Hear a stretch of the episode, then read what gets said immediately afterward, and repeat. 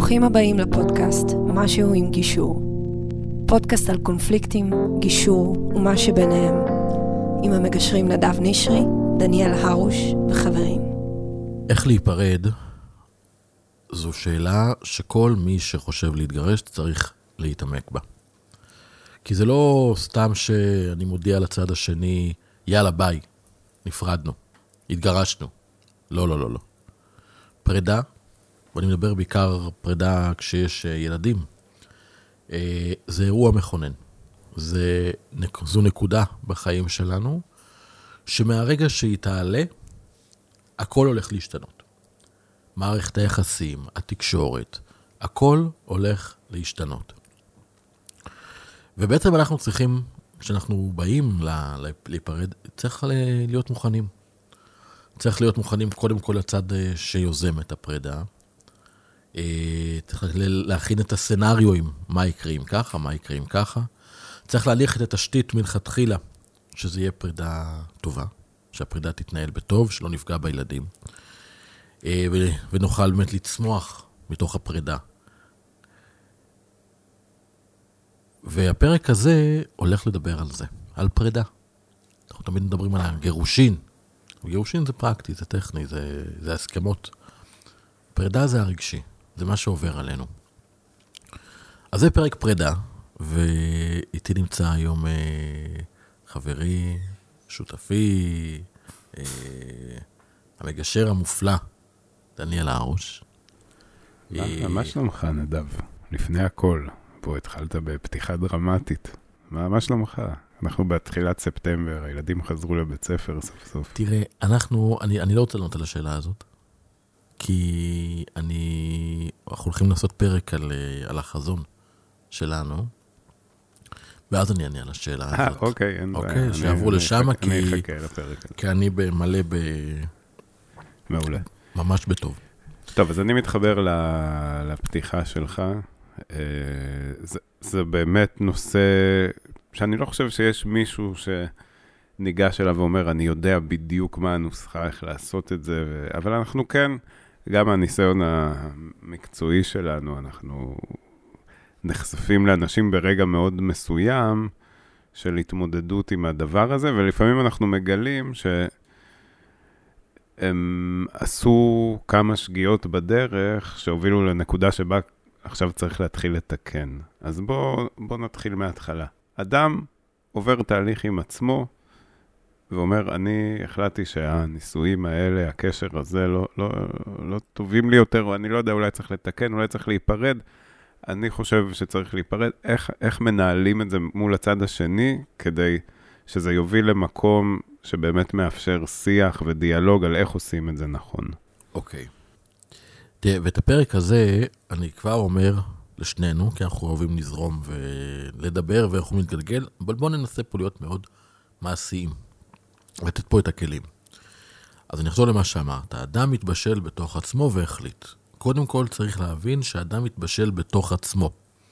הרבה פעמים, עכשיו, פרידה זה אבלות, זה הליך של אבל.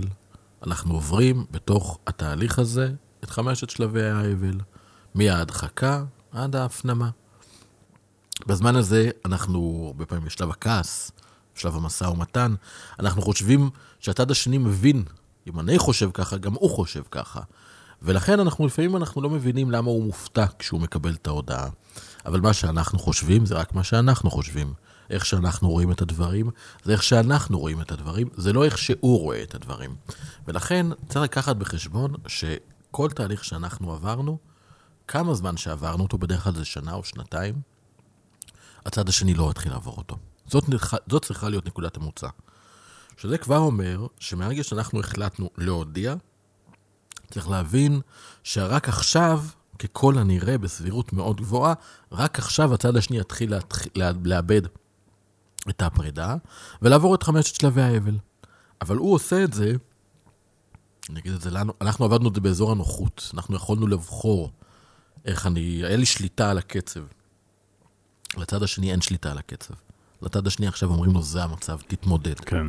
וזה כבר משנה, זה כבר מערכת יחסים שהיא פה כבר היא לא שוויונית. ולכן הצד היוזם צריך מראש להיות מאוד סבלני. ואז הוא צריך לבחור איך הוא רוצה לנהל את זה. אם הוא מתכוון לנהל את זה למלחמה משפטית, אז הוא ילך לקבל ייעוץ משפטי. יגידו לו מה הזכויות המשפטיות שלו. אני פה אפתח סוגריים ואקח בחשבון שלצד השני, כשהוא ילך לקבל ייעוץ, יגידו לו את ההפך המוחלט הרי, כי זה הסיפור המשפטי. כן. מה אני יכול לתבוע, לא מה אני צריך, מה אני רוצה. ואז הוא כבר ייכנס מראש למוד של מלחמה, הוא יתחשוף נתונים, והוא מתכונן לקרב. ואנחנו יודעים, כמו שאומרים בתיאטרון, האקדח שעולה במערכה הראשונה, הוא יירה במערכה השלישית. אז מי שבוחר להכניס את האקדחים מלכתחילה, זה הטעות הגדולה, פה, פה מתחילה הבעיה. אבל עדיין, סליחה, מדובר באנשים שנמצאים במצב רגשי מאוד מורכב, במצב של הישרדות. גם, אגב, גם הצד היוזם וגם בטח הצד. שמקבל את הבשורה. לכן השאלה היא, איך לעצור רגע את הסערה הזאת שמתחוללת בתוכך, ורגע, הצד השני עכשיו נורא פגע בי, רק בעצם זה שהוא הודיע לי שהוא רוצה להיפרד, ו- ואני אני רוצה, או אני רוצה להכאיב לו. א- א- איך לעצור את זה? אני- אני רוצה להרחיב, זה לא תמיד קופץ, זה הרבה פעמים, גם מישהו אומר או שהוא אני רוצה רוצה להרחיב. לדאוג לעצמי, אני, זהו, הקרקע נשמטה, אני בהישרדות. הקרקע עוד נשמטה. בגלל זה בוא נדבר על איך עושים את זה. אבל אני רוצה להגיד רגע את, ה, את המבוא, שבהכנה לפני מי שהולך ונערך משפטית, שלא יתפלא שהשיח יהיה משפטי. מי שמבין שזה אירוע רגשי, כמו שאמרת, אז הוא הולך להתייעץ עם אנשים שמתמחים ברגש. ואני כן. כמשפטן אומר, אנחנו לא, בתואר שלי במשפטים, לא למדנו רגש. יש בעיה ברגש, יש אתגרים, לך לפסיכולוג, לפסיכותרפיסט, לקואוצ'ר, לעובדת סוציאלית, מישהו שמתמחה בלעזור לאנשים ברגש. קודם כל לעזור להכין, כי ככל שאנחנו נדע לקבל כלים מעולם הטיפול, שיעזרו לנו להעביר מסרים, וככה גם לעזור לצד השני, לנו יהיה יותר קל. לכן הבחירה הראשונה היא ללכת קודם כל לעולם הטיפול, לקבל שם כלים. דיברת גם משהו על הטיפול, אם אפשר ללכת. אז אני אגיד את זה בקול רם. אם אפשר ללכת לטיפול זוגי, לכו. למה? א', כי אם אפשר להציל את הזוגיות, נפלא, שיהיה בהצלחה, אולי באמת תוכלו לצמוח מתוך המשבר. שתיים, תהליכי פרידה שקורים מתוך טיפול זוגי הם הכי נכונים שיש. כי ההורים דיברו, פר- פרקו את המתח, הגיעו ביחד להבנה שהזוגיות הסתיימה. יש איש טיפול בשטח, שזו ההתמחות שלהם, לעזור להם לפרק את הקושי, את המתח, לייצר הידברות, ואז זה הרבה יותר קל, כי זה הופך את השיח המש... כן. ה... ה... לאיך... ההסכמי למשהו מאוד טכני ופרקטי, הוא לא משהו רגשי, וצריך להפריד בין הרגשי ל... ל... לטכני. ואז הייתה, ואז אנחנו מגיעים לשיחה. בוא נדבר עכשיו על השיחה, זה השלב הבא, אחרי שעשינו את כל ההכנה זהו, הזאת. אז, אז האדם, ה- האדם יושב בבית, הולך לטיפול, לא הולך לטיפול, לא, לא כולם אה, יכולים, לא לכולם יש פנאי לזה, לא, לא כולם יכולים להרשות לעצמם את זה. בוא, טיפול ב-400 שקל חוסך עשרות אלפי, אני- שעה, ברור, חוסך עשרות אלפי שקלים. אנחנו מכירים עשרות אלפי שאנשים... שקלים. אז רגע, אני רק רוצה כאילו לסכם, אתה אומר, לסכם את העצה הראשונה, לכו להיעזר באנשי מקצוע מהתחום הרגשי ולא מהתחום המשפטי, בתור בדיוק, התחלה. בדיוק. אוקיי? זה- תמיד תוכלו לפנות למישהו המשפטי, אם תצטרכו לריב, תמיד. הייעוץ, תמיד תוכלו לקבל אותו. אבל לנהל את זה נכון, מי שמתחיל בהליך משפטי, יהיה לו הרבה הרבה יותר קשה. לא לילדיו וגם להורה השני. אוקיי, הלך להתייעץ, הלכו לטיפול זוגי, לא, הגיע רגע השיחה. בסוף זה בין, זה, זה בין שני הצדדים, כן? זה לא- הם, הם צריכים לעשות את זה ביניהם, בלי שיש עוד אדם בחדר, כי זה משהו מאוד אינטימי ומאוד אישי. לא בהכרח. לפעמים דווקא עוד אדם בחדר הוא יכול להיות, תלוי מי, אם זה בתוך טיפול. זה אחלה. בגישור, גם אפשר. יש אנשים שיודעים לנהל את השיחות אוקיי, האלה. מקבל, אבל, אבל בוא, בוא נדבר על הסיטואציה שבה אדם לא יושב... השכנה, לא החברה הכי טובה. לא, לא, זה ברור. לא, לא מישהו ש... שהנוכחות שלו היא מקשה על הצד השני. כן. זה לא. אבל בוא נדבר על הסיטואציה שבה יושב אדם מול אה, בן, בת הזוג, כן? בלי אדם שלישי בחדר, איך הכי נכון לגשת לשיחה הזאת, איך לנהל אותה נכון, כשאתה יודע שהצד השני לא יגיד, אה, אוקיי, גם אני חשבתי לנהל? בדיוק אותו דבר, בוא נעשה את זה. זה בדרך כלל לא ככה, אז אנחנו יודעים את הפטנט, זה. הפטנט הוא מאוד פשוט. אנחנו לא נותנים תשובות, אנחנו שואלים שאלות, ואנחנו מבינים שזו לא שיחה של זבנג וגמרנו, זו שיחה שפותחת הרבה שיחות נוספות. נכון, בדרך כלל אנשים מגיעים לשיחה הזאת עם הלשון בחוץ, והם כבר רוצים די כבר להיות אחראי, אבל זה לא עובד ככה. צריך לפרק את, ה, את ה-R הזה טיפין טיפין. אז איך עושים את זה? אומרים לו, אני, אני רוצה לדבר, אני רוצה לדבר. תשמע, לא טוב לנו. אני לא יודע מה איתך, אבל אני לא, אני לא מרוצה. ואני חושבת שאפשר להיות יותר טוב. מה אתה מציע לעשות? ככה. עכשיו, השיחה הזאת היא פותחת שיחה. ויכול להיות שהשיחה הזאת תוביל להגיד אולי נלך טיפול זוגי. מעולה. תוך כמה זמן הולכים לטיפול זוגי? מי מתאם את הטיפול הזוגי? זאת אומרת, בכל דבר שאנחנו אומרים שם, אנחנו שואלים מי אחראי לבצע ומתי, כדי שלא יהיה באוויר, שלא יתמסמס. בעצם מה שאתה אומר זה שמי שניגש לשיחה הזאת, המטרה שלו לא צריכה להיות לצאת ממנה כשהוא מודיע לצד השני שנפרדים, כן. וזה, וזה זה לא סוף שיחה פסוק. שאתה מסיים עם, עם גרוש, עם הסכם וקדימה, בוא נוריד מהאינטרנט ונתחיל לעשות. לא, לא, לא, לא. זו שיחה שפותחת תקופה חדשה בחיים שלכם, תקופה שיכולה להיות מדהימה וטובה, ויכולה להיות מאוד רעה. ולכן חשוב לנתב אותה נכון ולרתום את הצד השני יחד איתך, לא במשחקים ולא בהתפלפלויות ולא מניפולציות, באמת לבוא ולהגיד בכנות, לא טוב לי, לא טוב לי, מה אפשר לעשות? מה עושים? אבל איפה בתוך הדבר הזה מול עצמך, אתה אומר, אני לא רוצה גם להשלות את הצד השני. אני החלטתי שפרידה זה, זה הפתרון. ועכשיו אני בא ושואל שאלות ורותם את הצד השני, איך אני משחק בצורה הוגנת, בלי לתת לו איזושהי אשליה, ש, שיש עוד על מה לדבר. תראה, אם עד עכשיו לא דיברתם, אז אולי כן יש על מה לדבר. והשאלה, להתגרש תמיד בסוף אפשר. לחזור אחורה אי אפשר. לנהל את השיחה בצורה הזו, ואז עם כנות, להגיד, רגע, אני עם עצמי עברתי תהליך. אני לא חושב, לא חושבת שהוא יכול להשתנות. אבל אם פתאום משהו יקרה, אני ראיתי מקרים שאנשים באו לפה ואמרו, אין מצב, אנחנו 40 שנה, 30 שנה ביחד, לא השתנה, אבל היה שם משהו. ברגע שמגיעים לצומת הזה, של או שעכשיו דברים משתנים, או שאנחנו נפרדים, שזה גם קורה בתקופות מסוימות שהילדים, תינוקות, זה לא כמו שהילד בן 14, זה עולמות שונים, אנחנו ברור. משתנים. במקום הזה יכול להיות שיהיו שינויים, אבל אם ניהלתי את השיחה הזו, והייתי פתוח, להגיד, רגע, אולי הוא ישתנה, ושמתי שם דדליינים, אמרתי, אני לא יכול יותר ככה, אני, אפשר גם להגיד את זה. תקשיב, אני עושה את השיחה הזאת כי ממש רע לי. כי אני לא יכולה יותר לנשום. אני לא מרגישה פה שאין לי אוויר, ואני כבר מאוד סקפטית אפילו, אפשר להגיד את זה. מה, מה, מה עושים? מה אתה מציע לעשות? זה צריך לבוא כל הזמן מתוך שאלה. ואז התשובה יכולה להיות, "אה, את תשתני. אני אומרת לה, אני לא יכולה יותר להשתנות. אני לא יכולה. אתה יכול להשתנות? ככה, כל הזמן לשאול שאלות, לשאול שאלות ברגוע. עכשיו, רואים שהטונים עולים, שהמתח עולה, אפשר להגיד, תקשיב, הנשיחה הזו היא, מאוד חשובה בחיים שלנו. או שנלך להיעזר באדם שלישי שיעזור לנו, פה אפשר לבוא לגישור לטיפול זוגי. או שבוא נעשה רגע הפסקה, קשה לי. אבל בוא נשב על זה מחר. להגדיר כל הזמן, צריך שיהיה דדליין, צריך שיהיה מועד שבו אנחנו עושים את השיחה, מנ- מנהלים אותה. ואז, ואפשר להגיד של- חשוב לדעת, בין שיחה לשיחה, אני שם את עצמי בנעליו של האחר.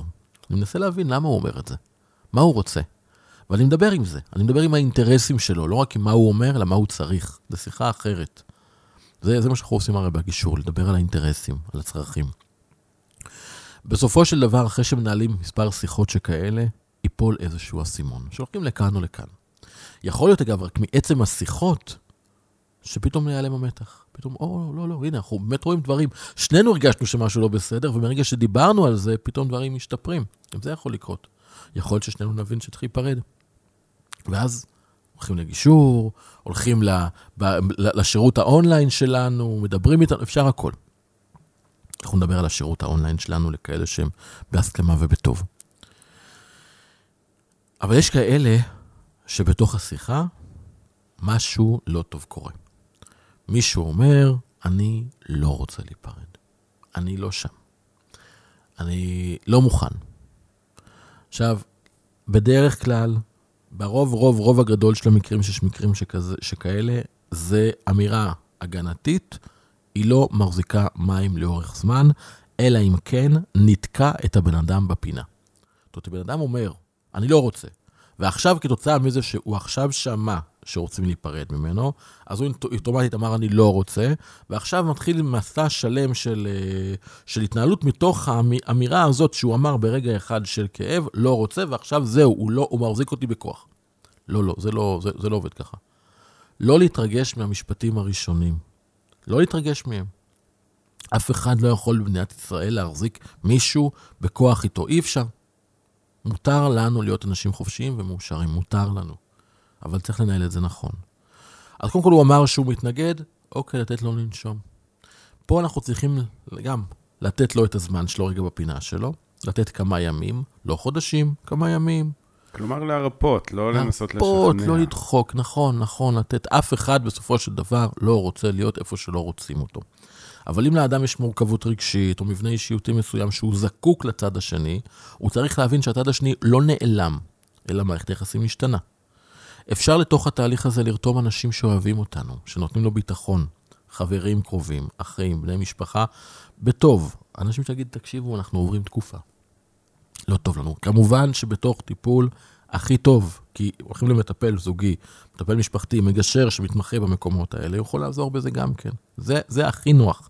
ככה אתם בעצם מורידים ממכם את, ה, את הצורך לנהל את זה כל הזמן, כי יש עוד מישהו שאפשר לדבר איתו, אפשר להתייעץ איתו. יש לי הרבה הודעות ושיחות וואטסאפ שכאלה עם זוגות שנמצאים אצלי, גם לך יש, אני בטוח, שאומרים לו, איך אתה מנסח את המסר, איך אתה מעביר את המסר. לגמרי. מתי לגמרי, אתה מעביר כן. את המסר? זה חלק מתוך העבודה שלנו בעצם. ויותר מתי אתה מרפא. לאנשים קשה להרפות. נכון, אני רוצה עכשיו תשובה. כי, כי פתאום זה מבהיל, אתה עומד ומשהו, אני לא רוצה. אני לא רוצה, ואתה אומר, רגע, אולי הוא אוקיי. ייתקע על זה, נכון. ועכשיו אני נכנס פה לאיזה, לאיזה שדה שאני לא מכיר, אני רוצה נכון. להיפרד, הבן אדם השני לא רוצה, אני, לא, אני, לא רוצה, אני לא רוצה שזה יהיה בכוח, ואני לא רוצה לכפות עליו, אבל מצד שני, אי אפשר להחזיק אותי. נכון. וזה, וזה, וזה מייצר מתח מאוד גדול שלך עם עצמך, קודם כל. נכון. שם אתה אומר, זו נקודה שאתה צריך להגיד, רגע, מה שאני שומע עכשיו זה לא מה שאני אשמע עוד שבוע או עוד בדיוק. חודש, קח אוויר. בדיוק. מצד שני, אם אני אקבע אותו, אבל אתה אמרת ככה, אתה נכון. אמרת ככה, הוא, אני לא אתן לו את הסולם לרדת מהעץ. ואז הוא לא יישאר שם, ואם הוא, הוא עומד גבוה על העץ, אני צריך לדבר במקום שלו, ואז הוא בכוח בעצם מעלה אותי למעלה. אבל אם אני לא עולה למעלה, ואני נשאר למטה, הוא ירד אליי. זה כל העניין באנרגיה. אם מעלים אותה, כולנו עולים. אם מספיק שאחד יגיד, אני בוחר להוריד את האנרגיה, בסוף היא תרד. ולכן זה הסיפור פה, להוריד את המתח, לייצר דיאלוג, להוריד את הטון, לייצר שיח כמה שיותר גם מבוסס, וזה חשוב, עובדות ונתונים. יכול להיות שהייתי חרא בן זוג. חרא, התנהגתי רע מאוד. אבל מה זה משנה לעתיד? השאלה היא לא מה היה, השאלה היא מה היה. אתה צודק, אני טעיתי, אני מתנצל. אגב, להתנצלות אין מחיר. מעולה, אני מתנצל, טעיתי, לא הייתי צריך לפעול ככה. לא ידעתי. טעות. מה אתה רוצה לעשות? איך אתה רוצה לפעול? איך אתה רוצה שכן יהיה לך טוב? מה אפשר לעשות? בוא נלך לטיפול זוגי, שוב, אתה רוצה שאולי נקבל כלים? בוא נלך. טיפול זוגי, הדרכת הורים, אין בעיה. כל מקום טיפולי שבו יש שיח בין ההורים, המילים מפרקות את המתח. פשוט צריך לדבר. כמה שאתה לדבר. יש לי שאלה, כי, כי הרי אם אנחנו מדברים פה על אירוע, שכמו שאמרת, הוא לא זבנג וגמרנו, השיחה הזאת זו שיחה מתמשכת שפותחת עוד שיחות, וזה אומר שאנחנו נכנסים עכשיו לתקופה כזאת בתוך הבית, שה... ש... שאין מה לעשות, יש בה מתח מובנה, גם אם אתה מרפא וגם אם אתה משחרר. אמת. אתה, אתה, אתה מכניס מתח לא... לאוויר שזורם בבית. עכשיו, בתוך האוויר הזה נמצאים גם ילדים, והם קולטים את הדברים האלה. איך להתנהל גם בין השיחות, בתוך הבית. כלומר, הבית אה, ממשיך להתנהל, הלוגיסטיקה של הבית, לקחת את הילדים לחוגים וזה, איך עושים את ההפרדה הזאת, שזה לא יגיע לילדים בצורה שתזיק להם? או, בצורה שתזיק להם, הנה זה היה טוב, הסעיפה של מה שאמרת. תראה, אי אפשר להעלים מהילדים את זה שקורה בבית משהו. אני לא חושב שצריך. אבל קודם כל, בהחלט אפשר להתייעץ עם מדריכי הורות. יש לנו את הפרק עם איילת רוזן ישראלי, אני מזכיר לאנשים, לכו להאזין, היא מדברת הרבה על זה. אבל בתוך הסיטואציה הזאת צריך להבין שאנשים עכשיו עוברים משבר, הילדים רואים את זה, הם מרגישים את זה, הם יודעים את זה, אל תחשבו שהילדים לא מבינים, הילדים מבינים, משהו מבינים. לפעמים הם מרגישים איזה משהו, והכל נראה, הם מרגישים, יש להם איזו תחושה שמשהו לא, לא בסדר, אבל הם רואים, כביכול ההורים פה, הכל בסדר, ישנים באותו חדר, או בשני חדרים גם כן, אבל לא מצליחים להבין את זה. דווקא כשנשיים את הדבר ולהגיד להם, חבר'ה, אנחנו נפרדים, אנחנו מתגרשים, יהיה להם הרבה יותר קל, כי הם פתאום יבינו, אוקיי, הנה, אני, אני מבין את הסיטואציה. זה לא, זה, לא, זה לא בתחושות, אני לא זה, אני לא מדמיין. יש פה משהו באמת, יש, זה, זה הולם, התחושות והמציאות הם באמת אה, אחד. זה לא בהכרח המקרה, לא תמיד אתה יודע שזאת תהיה התוצאה, אז אתה לא יכול להגיד לילדים, אנחנו מתגרשים לפני לא, ש... לא, אה, ודאי, ודאי, לא להגיד להם שום דבר. אני אומר כתפיסה, כן. לדעת שההורים, לא להגיד להם, עד שאנחנו לא מתואמים ולא יודעים איפה נגור ומה יקרה, לא מדבר עם הילדים. זהו, אז אני שואל מה עד אז. עד אז אנחנו מבינים שאנחנו בתקופה לא טובה. אנחנו עכשיו מלמדים את הילדים שלנו איך נראה אדם במשבר. החוכמה שלנו אבל תהיה להראות להם וכמה שיותר מהר איך פותרים את המשבר. אנחנו לא יכולים באמת להעלים את הסיטואציה שפתאום הכל בסדר. זה אי אפשר לעשות את זה, זו אשליה. אפשר להראות שקשה לנו. אני מאמין בלהראות את האמת, קשה לי. לפעמים אני אומר לבנות שלי, קשה לי. וגם מותר לראות אותי בוכה. לפעמים קשה לי, מה לעשות? כולנו בני אדם. אבל בסופו של דבר, השאלה היא אז לא הקושי, אלא איך אנחנו פותרים אותו. ולכן יש לנו פה הזדמנות. בגלל זה אנחנו מדברים פה בפרק הזה למי שרוצה לפתור את זה בטוב. ואם אתה יודע שאתה הולך בדרך שתפתור את זה טוב, אז גם אם עכשיו קשה לילדים, אבל אנחנו נראה להם את הפתרון, אז זה בסדר. כל זה אנחנו באמת פותרים לשם ולא מסתכלים רק על עצמנו, מה מגיע לנו, אלא באמת מסתכלים על כל, על כל המכלול, שזה מה שצריך פה להתייחס כל הזמן. להבין שלנו יש את הקשיים שלנו, גם לצד השני יש את הקשיים שלו. מהרגע שהחלטנו שאנחנו רוצים להיפרד, הוא לא חייב לנו כלום. זה משפט קשה. הוא לא חייב לנו כלום. נכון. פתאום להיפרד, זה אומר שאנחנו שתי ישויות כלכליות, אוטונומיות, נפרדות. זאת אומרת שאם אני אמרתי לך, לך, שאני לא רוצה להיות איתך בזוגיות, כל מה שנשאר בינינו זה ההורות. הורות זה מאוד פרקטי, זה מאוד טכני. זה מי לוקח, מי אוסף, מי משלם למתנ"ס, מי משלם לבית ספר, זה הסיפור פה. ואז אני אומר, אוקיי, צריך להיערך לזה, צריך לדבר על זה. בוא, בוא נראה איך אנחנו עכשיו פועלים בצורה שאף אחד לא מוציא כספים מהחשבון המשותף, שיגרמו לצד השני, לעיניים שלו לצאת. שאני לא הולך ומבלה בלילות, כשהצד השני בבית בוכה, זה לא עובד טוב. אנחנו עוברים עכשיו כמשפחה תהליך של שינוי, מטמורפוזה, ואנחנו צריכים ביחד לעבור על זה. הרבה הרבה רגישות בכל המקום הזה, ולכן אני צריך תמיד לשים לב איפה הצד השני נמצא. כשמנהלים את זה ככה כמה שבועות, בסוף הצד השני יגיע, הוא יהיה, הוא יבין, הוא גם יעריך את זה שפעלנו בטוב, ולא בכוח, ולא דחפנו ולא כפינו, אלא נתנו את המקום. יכול להיות שגם ככה גם כמה חודשים, זה בסדר. בטח שיש תינוקות, בטח שיש ילדים קטנים, ההסכם הזה, ההסכמות האלה, לכל החיים. הזמן, אנחנו רוצים כבר להגיע למשהו, אתה יודע, אני כבר רוצה... לא, ברור, זו גם תקופה מאוד לא נעימה בבית. עכשיו, עם הצד השני, אתה עובר איתו את כל התהליך שאתה אמרת, ואתה מנהל את זה הכי נכון שיש, ועדיין, אומר, אני לא משתף פעולה עם הדבר הזה, בטח אם אנחנו עושים את זה, זה לא יהיה בטוב. אני לא אקל עליך את החיים, אתה רוצה שזה יהיה בטוב, אני אעשה את זה ברע. אני לא בא לגישור. אני לא בא לגישור. לנהל. בסופו של דבר, ככל שאנחנו מדברים, מדברים. אז איך תקן? מה אתה רוצה שיהיה? פשוט לשאול את השאלות האלה. ללכת, גם אני יכול ללכת לבד, למטפל, לטיפול, לגישור, אנחנו עושים גם כן ליווי אישי של אנשים במקומות האלה, הרי אפשר לנהל את זה, לשאול את השאלות כל הזמן. בסופו של דבר, אם אני, אה, אם מישהו מרים אל היד, אני יכול לבחור ללכת. כשהייתי בצעירותי, המשפט שהיינו אומרים, מרביצים לך ברח, נותנים לך כך. זה הסיפור. אני לא חייב לשתף פעולה באלימות. אני לא חייב, כשמישהו מקלל אותי, אני לא חייב לקלל אותו בחזרה. אני יכול להגיד, תקשיב, זאת שיחה לא נעימה. אני לא רוצה ברעתך, אני רוצה בטובתך. כי אתה האבא, אתה אימא של הילדים שלי. לעשות לך רע זה לעשות רע לילדים שלי. אני לא מוכן להגיד את המסרים האלה. אין מה לעשות. אני ואתה הבאנו ילדים לעולם. אנחנו מחוברים לשארית החיים. אני לא מוכן, לא רוצה לקבל שהחיים האלה יהיו קשים לנו ולילדים, אני רוצה שיהיה לך טוב. ואומרים את זה כל הזמן, כל הזמן, כל הזמן, גם אם אנחנו קשה לנו. אבל ככל שנגיד את זה, בסוף זה קורה. ואז אנחנו, הצד השני, שמחפש את הריב, מחפש את הריב, יכול להיות גם שהוא רץ מיד לעורך דין, והוא אומר לו, מאיר, תפתח תיק, תגיש בקשה, מה הוא עושה לך ככה? מה, באמת? כזה? בוא נראה לו, בוא נראה... יש כאלה, זה נורא. אני אומר, אני מזדעזע, כי אני שומע המון כאלה. גם מאוד קל למשוך בן אדם שנמצא במצב רגשי מעורער למקומות נכון, האלה. אבל ברגע שהוא בא במקום הזה, והוא אומר, תקשיב, אני לא משתף פעולה עם זה. עזוב, יגידו לך, זה עזוב, הוא מתפרנס. אני מבין מה האינטרסים שלו. אני לא נכנס לזה. למרות שברגע שמתחילים להיכנס עורכי דין ומתחילים להכניס את הרעלים האלה, פה אני מציע להביא אנטיביוטיקה. אנטיביוטיקה זה סבתא, אם אפשר לדבר איתה. חברים, קרובים, אנשים מהמשפחה, שאומרים לילדים, המורה, הגננת, להגיד, תקשיבו, לא, לא, לא, לא, לא, לא, לא, לא, לא, לא. אל תתבלבלו. וזה צריך לקרות בהתחלה. בהתחלה, לפני שמתחילים כן. בהליכים, פתיחות תיקים, לפחות, שברגע אחד מישהו, היה לי לא מזמן מישהי שהתקשרה אליי מתוך בית הדין הרבני. מתוך בית הדין, אומרת, אני בפגישת תביעה, אבל מישהי אמרה לי, לא, לא, לא, דברי עם נדב קודם כל. דיברתי איתה, הם הגיעו, סגרנו הסכם. בחיבוקים, זה היה פשוט מהמם. אבל זה היה רגע, אחרי כי עוד עורך דין אמר לה, את חייבת לפתוח תיק מהר ברבנית. בלי כלום, כלום, כלום, בלי, כן, לא, זה, זה כן. פשוט היה נורא. אז להבין שאנשים פה במקום הזה מרגשים, מצב מרגשי מאוד מורכב, שיראו בבית שאין סערה, או יש שיח, הדברים לא משתנים כל כך מהר, יש לכם שליטה על מה שהולך לקרות, שום דבר לא יקרה, לא בתיאום. אפשר להגיד את המילים האלה, הן מאוד נכונות.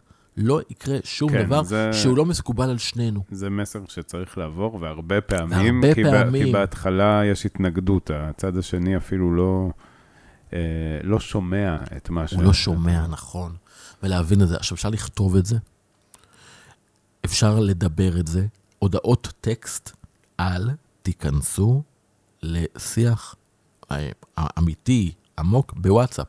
זה לא עובד. לא, זה נורא. רע מאוד. הודעות קוליות, כן, אם אפשר, קשה להיפגש, הודעות קוליות יכולות להעביר מסר. תעבירו את המסר שלכם בצורה ברורה, חיובית, זהו, לא להציף בהודעות. אתם תראו הרבה פעמים שהצד השני הוא מפגיז בהודעות. מפגיז, מגילות. זה הפרידה שלו. זה האיכסה שיוצא החוצה. האידיאל שהיה עושה את זה אצל פסיכולוג או, או בטיפול, לא כולם הולכים. ואז זה יוצא אליכם. וכשזה יוצא אליכם, או עליכן, צריך רגע להבין, זה לא אליי. פשוט אין לו עם מי לדבר, הוא רגיל לדבר איתי. וזה קשה לו, הדיסוננס. אתה פגעת בי, ואני, ואני רגיל שאתה גם הפתרון שלי. אז לא להתרגש מכל דבר שנאמר. מילים קשות, לא לקרוא, לפעמים זה לקרוא ולעבור הלאה. לתת לחבר אחר לקרוא את זה. כן, זה קשה. זה קשה, זה כן, קשה. זה קשה. אבל זה פשוט, זה... תחשבו על זה, הדימוי מבחינתי, שהיו מודיעים למישהו, חס וחלילה שהילד שלו נפטר.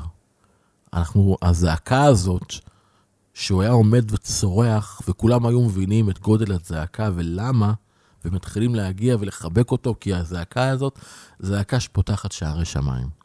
אדם שמתגרש, שהודיעו לו על הגירושין שלו בבת אחת, זו התחושה שלו, אבל זה לא נחשב לגיטימי לזעוק. לא נחשב לגיטימי, אבל הוא צריך את הזעקה הזאת, הוא צריך להוציא את זה החוצה ושכולם יבואו לחבק אותו. ולכן אני אומר, תנו לו את המקום. אם הוא זועק דרככם, אז שהוא יזעק דרככם. שיוציא וייקח, ורק תדאגו שיעטפו אותו. שיהיו חברים. רצוי כאלה. שאם יתגרשו, זה בטוב.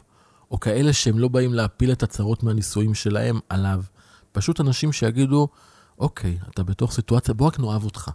זה מה שהאדם עכשיו צריך, רק רגע שיתמכו בו, הוא יעבור את הכמה שבועות האלה, הוא יראה שההורה השני לא בא לריב איתו, אלא בא ביחד איתו, עם כל הקושי, למצוא פתרון שיתאים לשניהם. כשזה הסטינג, זה ההתחלה של התהליך, כן. הכל יהיה בסדר.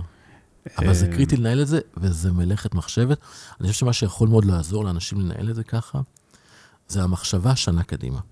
בדיוק, אני, זה בדיוק מה שרציתי להגיד. אני רואה, זה די שכיח לראות בחדר הגישור, אה, בקרב בני זוג, וגם לזהות מהר את הצד שהוא כבר עבר את התהליך עם עצמו, והוא נמצא בנקודה שבה כבר הוא מוכן לדבר על פתרונות פרקטיים, ואת הצד שקיבל את הבשורה, או לא משנה, אבל הוא לא עבר את התהליך עם עצמו, ועכשיו הוא עובר אותו במהירות מואצת תוך כדי הגישור, ואז קורה, קורה משהו מעניין. הצד הזה הרבה פעמים, הוא באופן לא מודע, או לפעמים מודע, תוקע מקלות בגלגלים של התהליך על דברים הכי קטנים ולא חשובים. עכשיו, פה, אצל הצד השני, אני, אני מזהה אה, שני אופנים שבהם אנשים מתמודדים עם זה. יש כאלה שמבינים את זה, או שאני לפעמים, בשיחות נפרדות, אני אומר להם, תקשיבו, זה המצב, עכשיו הצד השני, הוא צריך להאט את התהליך, כי הוא רואה את הקיר מתקרב, ואתה כבר, אתה יודע, אתה רואה אותו כבר הרבה זמן.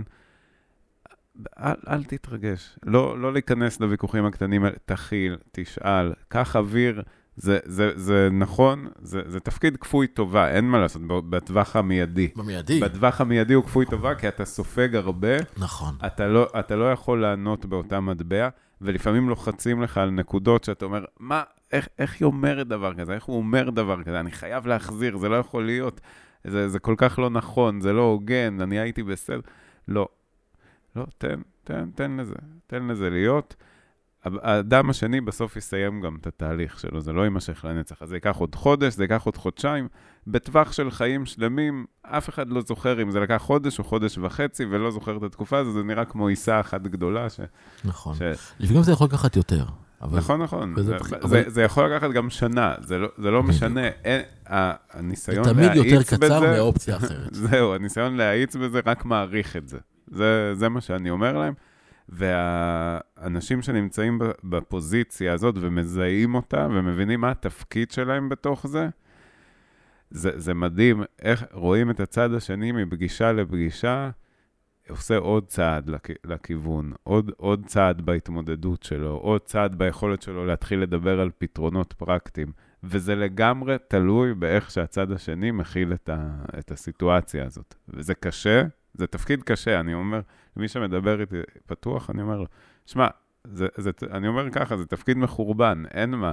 אתה הולך לחטוף עכשיו מלא, אבל זה כל כך ישתלם לך קדימה, ואתה אפילו גם תקבל על זה הכרת תודה באיזשהו שלב. בדיוק, וזה מה שההורה צריך לחשוב עליו.